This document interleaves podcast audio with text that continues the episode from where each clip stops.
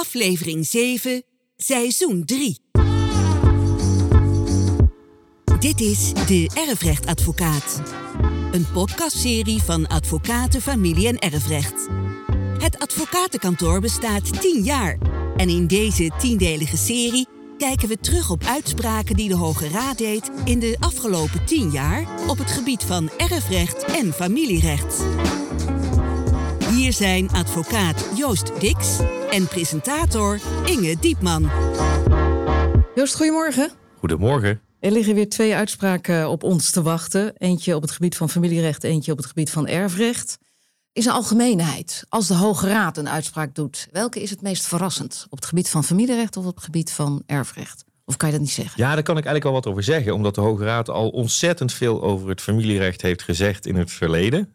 Het erfrecht kennen we, ja, ik zeg pas, hè, sinds 2003, maar dus ook alweer Oh. ruim 20 jaar. Althans, het erfrecht zoals dat nu geldt, hè, het huidige boek 4, relatief jong. En ja, je ziet nu pas dat bij bepaalde leerstukken het nu pas bij de Hoge Raad komt. Dus er komen allerlei onverwachte, spectaculaire uitspraken in het erfrecht van de Hoge Raad. Liggen die nu ook voor? In We deze aflevering? Ja, we hebben tien prachtige uitgezocht in de hele, in de hele reeks en we hebben vandaag weer een mooie. 10 op het gebied van erfrecht, 10 op het gebied van familierecht. En we beginnen met het erfrecht. We gaan terug naar 19 mei 2017. De Hoge Raad en het erfrecht.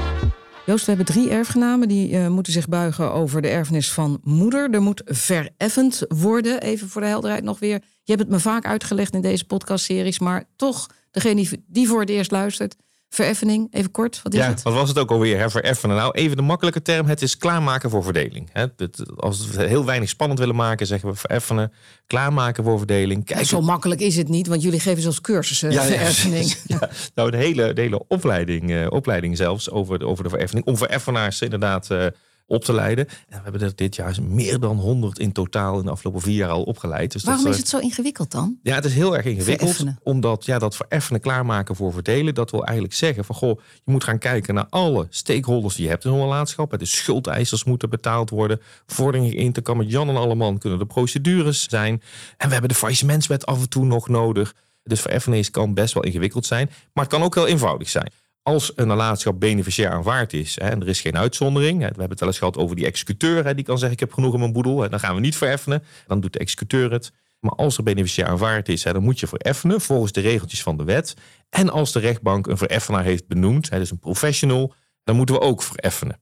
En de wet zegt dan, eerst gaan we vereffenen. Dus kijken wat er allemaal in die boedel moet gebeuren. Er moet beheerd worden, er moet betaald worden, er moet geïnd worden. En als dat af is, als dat proces is afgerond, dan kijken we, is er nog wat over? En wat er dan over is, gaat naar de erfgenamen en die gaan dan pas verdelen, zegt de wet. En in deze casus is er wel sprake van schuldeisers, geloof ik. Hè?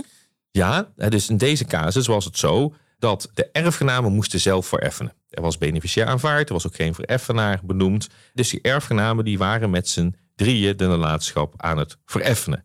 Waar begin je dan mee? Dan begin je eerst maar eens te kijken, waar hebben we het over? We maken eens een boedelbeschrijving op. We hebben het uitgebreid over gehad in een eerdere podcast. We maken een boedelbeschrijving. Wat zit er eigenlijk in die nalatenschap? En daar stokte het al. Die erfgenamen die konden niet eens overeenstemming bereiken over de omvang van de nalatenschap. En ja, een van die erfgenamen die had daar eh, zo genoeg van eigenlijk. Die dacht, laat die hele vereffening maar zitten.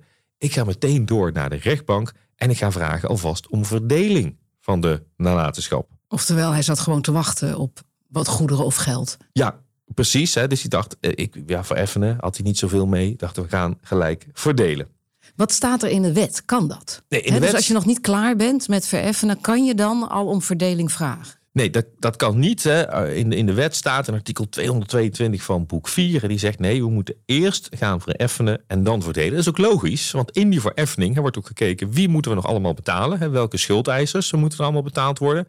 Misschien is er nog wel een zakenrelatie die betaald moet worden. Misschien nog wel de belastingdienst. Nou, ja, allerlei Dus de wet, schulden. wet eigenlijk beschermt de, de schuldeisers. Ja, zo is het. Hè? Dus je zegt nou eerst die schuldeisers betalen. En dan gaan we pas verdelen. Is ook volstrekt logisch. Want Ja, je- maar hier heb ik toch het gevoel dat de Hoge Raad de deur een beetje op een kier zet. Klopt Nou, dat? dat mag je wel zeggen. Ik denk dat de Hoge Raad de deur misschien wel heel ver overzet zelfs. En wat de Hoge Raad doet hier, ja, juridisch weer iets spectaculairs. En wat zegt de Hoge Raad hier? Je zou onder omstandigheden best al kunnen gaan verdelen voordat die vereffening is afgerond. Dus je zou in eerste instantie denken, niet zo logisch. Hè? Want we weten nog niet eens wie er allemaal betaald moet worden. Hier wisten ze nog niet eens wat er in een nalatenschap zat, hebben wij zo spreken. Waarom zegt de Hoge Raad dat dan? Nou ja, kijk, de Hoge Raad, we hebben het al wel eens eerder gehad over deformalisering van het erfrecht, erfprocesrecht. En de Hoge Raad zegt ja, het is wel een streng regeltje, maar de Hoge Raad zegt nou, we kunnen misschien nu al wel verdelen, of je kunt in ieder geval om verdeling vragen vast bij de rechter, maar dan moeten we wel aan een aantal voorwaarden voldoen. Bijvoorbeeld dat wel rekening gehouden wordt met de belangen van de schuldeisers. Dus bijvoorbeeld zou een rechtbank dan kunnen zeggen van goh, ik uh, maak hier een verdeling van de nalatenschap en ik bepaal daarbij hoe het zit met de positie van de schuldeisers. Of een rechtbank kan zeggen, goh, ik maak een gedeeltelijke verdeling vast van de nalatenschap. Dus Hoge Raad zegt hier, het hele strakke regeltje eerst vereffenen, dan verdelen, laten we bij deze los. Dus de Hoge Raad maakt hier echt een, een nieuwe regel. Maar dan moeten we wel goed kijken naar de belangen van de schuldeisers. Vind jij dan dat die schuldeiser voldoende is beschermd? Dat zal er in de praktijk op neer moeten komen dat die rechtbank waar die zaak dan voor ligt, en die zal dat heel goed moeten opschrijven. Die zal zeggen: oké, u mag misschien al wel verdelen, of ik kan misschien al wel een verwijzen van verdeling vaststellen. Dus hoe moet de verdeling plaatsvinden? Wat is de marsroute? Maar daarbij bepaal ik wel dat er goed rekening gehouden moet worden met de schuldeisers. Even kijken hoor, van wanneer is deze uitspraak? Die is uit 2017. dus we hebben inmiddels eh, meer dan vijf jaar achter ons liggen. Hoe heeft dat in de praktijk uitgepakt? Nou ja, je ziet hier en daar waar de zaak er zich voor leent, dat ook tijdens een vereffening al wel gekeken wordt naar de verdeling. Alleen eh, als je bij de verdelingsrechter komt, dan zul je ook heel goed moeten aangeven, ja, waar bestaat die nalatenschap uiteindelijk uit? Wat moet er eigenlijk verdeeld worden?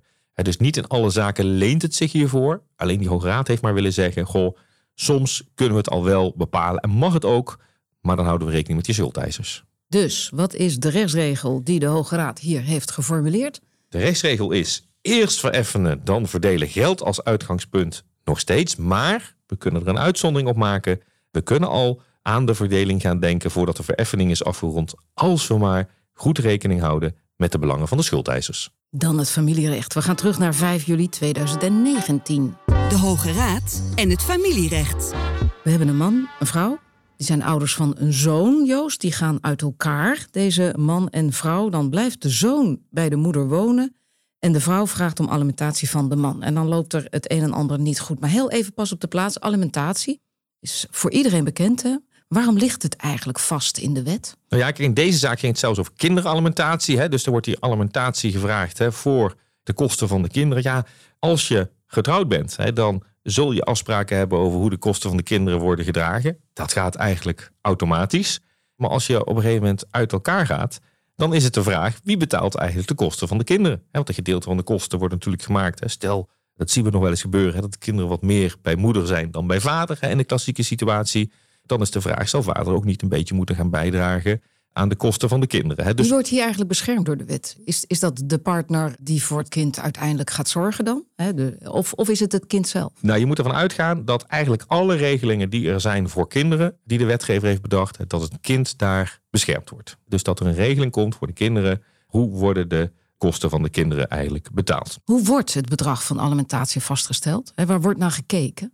Nou ja, kijk, de alimentatie, hè, dat heeft vooral te maken met behoeften en draagkracht. Uh, we hebben in Nederland zelfs alimentatierichtlijnen. Het ligt niet zo concreet in de wet vast. Hoe moet die berekening nou? Dat staat er niet in. De wet zegt eigenlijk alleen niet zo over behoefte en draagkracht. Er is niet een alimentatierekentool. Nee, ja, nee die, in de wet in ieder geval niet. In de wet in ieder geval niet. Maar er is wel een eh, expertgroep uh, alimentatie. En dat stelt eigenlijk elk jaar een rapport alimentatienormen vast. En dat is eigenlijk een rapport wat alle rechtbanken, ook advocaten, iedereen die hanteert dat rapport, als uitgangspunt hoe alimentatie wordt berekend. Dat rapport is geen wet. Maar dat is elk jaar dus. Dus hè, we hebben nu te maken met inflatie. Dus je zult zien dat de wijze waarop je moet rekenen een beetje wordt bijgesteld. Ja, er kan elk jaar. Ja, ja, precies. Er kan elk jaar dus een aanpassing gebeuren. Je kunt ook zelfs inhoudelijke aanpassingen krijgen van hoe, hoe berekenen we uh, uiteindelijk uh, zaken. De richtlijnen zeggen dan eigenlijk vooral: we kijken naar behoeften, we kijken naar draagkracht. En zo komen we tot bepaling van de alimentatie. En behoefte is wat heeft het kind nodig? En draagkracht is ja, wat kan de ouder betalen? Wie stapte in deze kwestie naar de rechter? De vrouw die had gevraagd om vaststelling van een door meneer te betalen bedrag aan kinderalimentatie. En daar gaat waarschijnlijk vader Ja, die ging in hoger Ja, beroep. hè? hè, want Ja. de rechtbank had Ja. een, eh, had een eh, bedrag vastgesteld. Eh, meneer gaat in hoger beroep. En wat voerde meneer nou aan? Die zegt, ja, mijn draagkracht wordt berekend. En wat kan ik nou eigenlijk elke maand betalen? Maar bij het berekenen van die draagkracht moet rekening gehouden worden met schulden die ik maandelijks aflos. En die meneer die had wel aangetoond hè, dat hij in een bepaald jaar eh, bijna 800 euro eh, afloste. Later zelfs nog 1100 euro. En uiteindelijk zegt het Hof: we vinden het redelijk om met 500 euro aflossing rekening te houden. Dus wat die meneer dan aan draagkracht heeft, wat kan hij betalen? Wat zijn zijn inkomsten? Wat zijn zijn lasten? Daar houden we ook nog rekening met 500 euro, zei het Hof, omdat je die schulden moet aflossen. En dat wordt heel degelijk onderzocht. Want ik kan mij voorstellen, eh, even uitgaande van het kwade in de mens. Maar dat je dit als truc kunt gebruiken om onder een hoge alimentatie uit te komen. Ja. Hè, Door, door veel kosten op te voeren. Nee, zeker. Hè, dat zou je kunnen toepassen. Maar de richtlijnen alimentatie, die lijken daar ook wel een stokje voor te steken. Hè. En dan gaat het er eigenlijk om, van ja, mag je eigenlijk zo'n schuld wel aangaan? Hè? Is deze schuld nou belangrijker dan het betalen van alimentatie? Had je je niet moeten onthouden van het aangaan van die schuld? Dus als je zegt van, goh, ik ga een schuld aan voor een hele leuke hobby. Ja, dan kun je zeggen, ja, maar die hobby gaat niet voor... Ja, ik koop eh, even een hele dure auto in plaats van een auto die ik me kan veroorloven. Precies. Dus dan kun je zeggen, nee, hè, dan kunnen we daar in redelijkheid geen rekening mee houden. Het was wel in dit geval naar draagkracht. Dus dat is op een goede manier onderzocht. En wat, wat Nou ja, dat was dus de vraag. Oh. Want wat zei de Hoge Raad nou? De Hoge Raad die zei, ja, dat Hof zegt, ja, goh, het is redelijk om rekening te houden met een aflossing van 500 euro per maand. Maar er ontbrak aan een toelichting waarom dat nou precies redelijk was. Dus die Hoge Raad zegt, nee, ik vernietig die beschikking van het Hof. En daar moet nog maar eens een keer beoordeeld worden waarom bepaalde schulden van die man nou wel of niet betrokken moeten worden bij het bepalen van zijn draagkracht. Ja, en, en welk bedrag gaat het dan om? Dus de Hoge Raad zei je eigenlijk, ja, dat onderzoek van het Hof was niet zo goed. Oké, je hebt je huiswerk niet helemaal goed gedaan, Hof. Ga het eens overdoen. Nou ja, dat doet het dan dat betreft de Hof niet over. Hè. Dat wordt dan verwezen naar een ander Hof. Ja, precies, precies. Maar het kan dus zijn dat als dat Hof het huiswerk wel goed doet. en dat voldoende beargumenteert, dat dan de uitspraak wel blijft staan. Dat zou kunnen. Ja. Dat zou kunnen. Dus het kan zijn dat een ander Hof tot de conclusie komt, het is inderdaad 500 euro en we hebben daar een hele goede redenering voor. Dus wat is hier de rechtsregel die de Hoge Raad heeft geformuleerd? De Hoge Raad zegt eigenlijk hè, bij bepaling van de draagkracht hè, voor het betalen van kinderalimentatie kan het zijn dat je rekening eh, houdt met schulden. Maar als een rechter daarover moet oordelen, moet hij gemotiveerd aangeven met welke bedragen houden we rekening en met welke niet. Aldus, familie- en erfrechtadvocaat Joost Dix. Wat was het weer leuk om tegenover je te zitten. Dank je Joost. Dit was de Erfrechtadvocaat. Voor wie niet alleen wil luisteren, maar ook wil lezen over familie- en erfrecht, gaat naar familie-erfrecht.nl, de website van Advocaten Familie- en Erfrecht. Daar is ook alle informatie te vinden over het inschakelen van een erfrecht of familierechtadvocaat. Mocht u willen reageren op deze podcast, stuur dan een e-mail naar info@familie-erfrecht.nl.